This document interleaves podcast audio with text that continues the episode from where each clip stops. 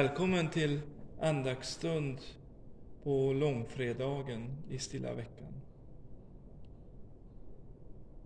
Jag läser för er ur Peter Halldorfs bok Spåren till det fördolda, betraktelser för fastan. Kärlekens kyrka. Markus skriver Alla övergav honom och flydde. Vilka finns ännu kvar när Jesus inleder sin sista vandring? Den som leder från Pontius Pilatus residens upp till Golgata. Den unge mannen i Markus evangeliet som kastar av sig sitt sista klädesplagg och flyr naken utgör en symbolisk paradoxal motbild till hur Jesus senare berövas sina kläder. Ett avklädande som för den senare följde av lydnadens utblottelse, men för den förre var ett ofrivilligt berövande. Medan männens kyrka försvinner, en efter en, framträder på avstånd kvinnornas kyrka. De som följt honom och betjänat honom under hans vandring. Vi ser dem vid korset, vid begravningen, och det var också de som kommer att bli påskens första vittnen.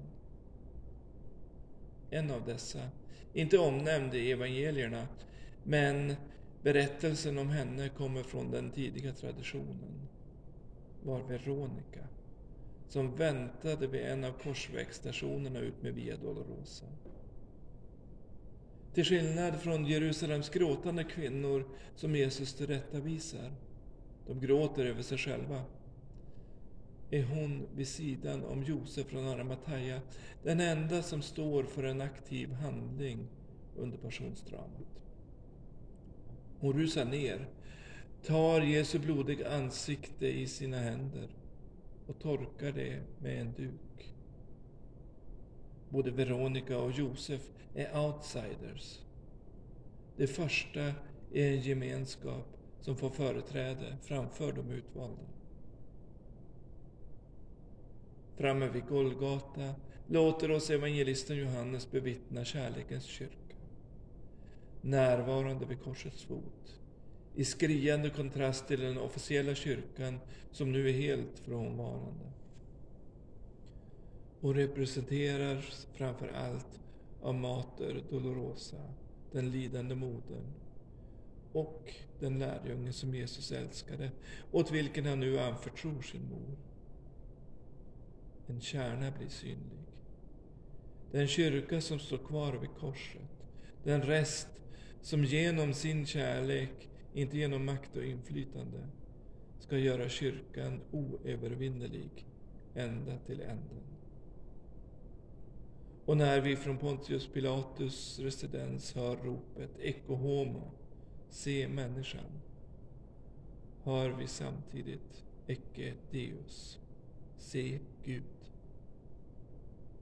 Här står vi inför den enda giltiga bilden av vad världens synd gör med Guds hjärta. Synliggjort i denna enda människa. Vi ber. Herre, kom ihåg dem som har glömt ditt löfte om uppståndelsen. De som inte känner dig och din väldiga kraft och därför lever utan hopp. Amen. Vi ber också Herrens bön.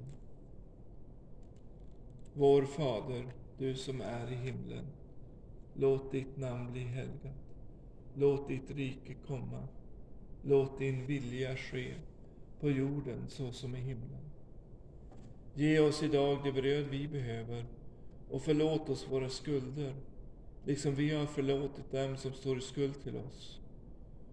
Och utsätt oss inte för prövning, utan rädda oss från det onda. Ditt är riket, din är makten och äran i evighet. Amen. Ta också emot Herrens välsignelse. Herren välsigne dig och bevara dig.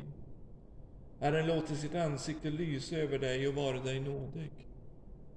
Herren vände sitt ansikte till dig och give dig frid. I Faderns och Sonens och den helige Andes namn. Amen.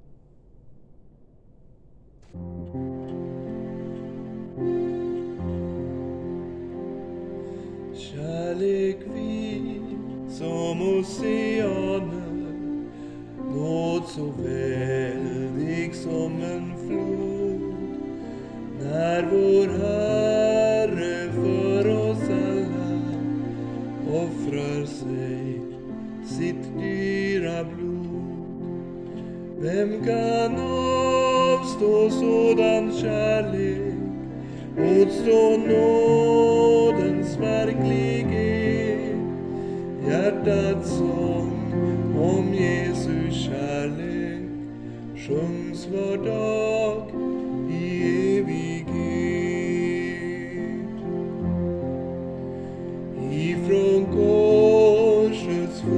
foten flödar fram en källa ren och klar. Från Guds hjärtas djup den väller är hans liv till var och en. Nåd och kärlek strömmar alltid ifrån höjden till var tid. Den vill sky